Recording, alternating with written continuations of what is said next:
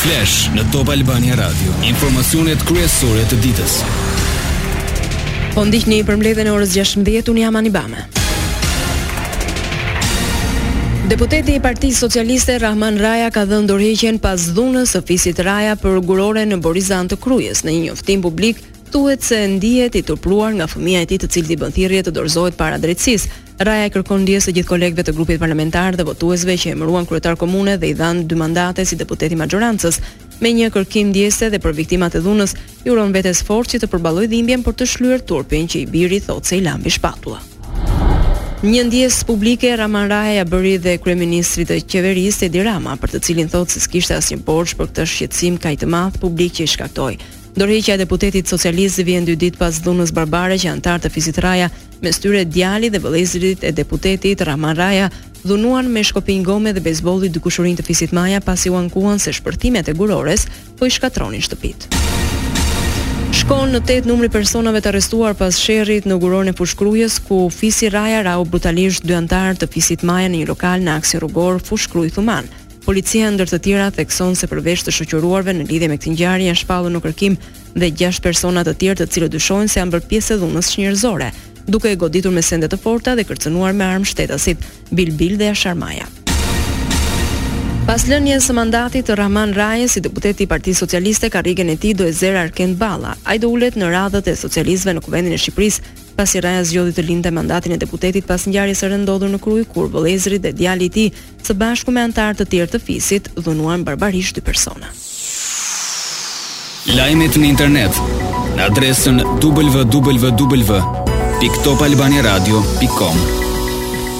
Në Myzeqe ka ndalur korrja e grurit për shkak se këto ditë pikat e grumbullimit janë mbyllur dhe gruri i korrur më herët nuk po blihet më. Kjo situatë ka krijuar vështirësi të mëdha për fermerët e Myzeqesë të cilët këtë sezon u nxitën që të mbillnin sa më shumë sipërfaqe me grurë. Rrëzohet vendimi i Senatit të Universitetit të Korçës për t'u bashkuar me atë të Tiranës, Universiteti i qytetit juglindor do vazhdojë të jetë autonom dhe do përfshihet në një reformë të thellë profilizimi dhe ndërkombëtarizimi. Pas takimit me pedagogët e Korçës, ministrja e Arsimit pohoi se trupa akademike, por dhe drejtuesit Ranë dakord që Universiteti i Korçës të vazhdojë të zhvillohet më vete përmes autonomisë. Pandemia e COVID-19 shtoi frikshëm laboratoret për kryerjen e analizave mjekësore, pas urdhri, sipas urdhrit të mjekëve në Shqipëri, janë të licensuar vetëm 93 mjekë laboratori kliniko biokimik, ndërkohë që numri i laboratorëve të regjistruar në QKR është shumëfish. Bordi i Akreditimit të Laboratorëve pranë DPA-së thotë se shumica e këtyre laboratorëve dorëzojnë dosje me emra mjekësh fiktivë. Lajme nga rajoni. Nga Dubrovniku i dërguari i posaçëm i SHBA-së për Ballkanin Perëndimor komentoi situatën Kosovë-Serbi dhe lëvizjet e fundit të Milorad Dodik në Republikën Serbe të Bosnjë-Hercegovinës. Gabriel Escobar thekson se zgjidhja më e mirë për daljen nga kriza është që Beogradi dhe Prishtina të pranojnë planin trepikësh të Bashkimit Evropian. Kemi indikacione pozitive se presidenti serb Aleksandar Vuçiç është i gatshëm të pranojë, por kryeministri i Kosovës Albin Kurti duhet të bindet pak më shumë, tha Escobar.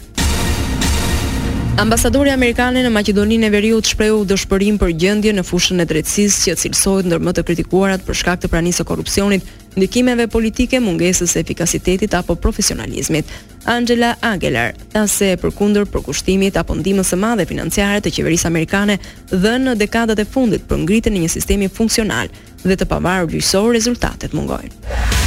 Lajme nga bota.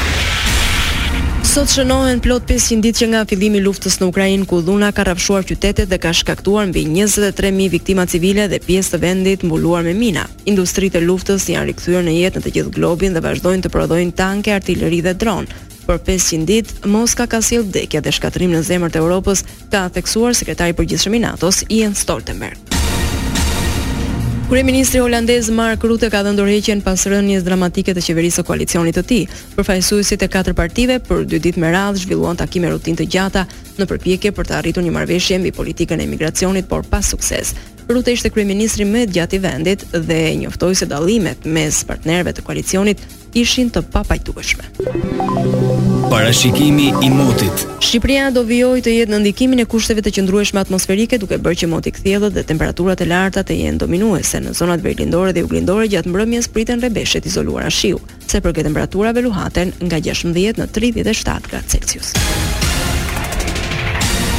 Këtu kemi përfunduar edicionin e radhës. Është ora 17. Kjo është Top Albania Radio.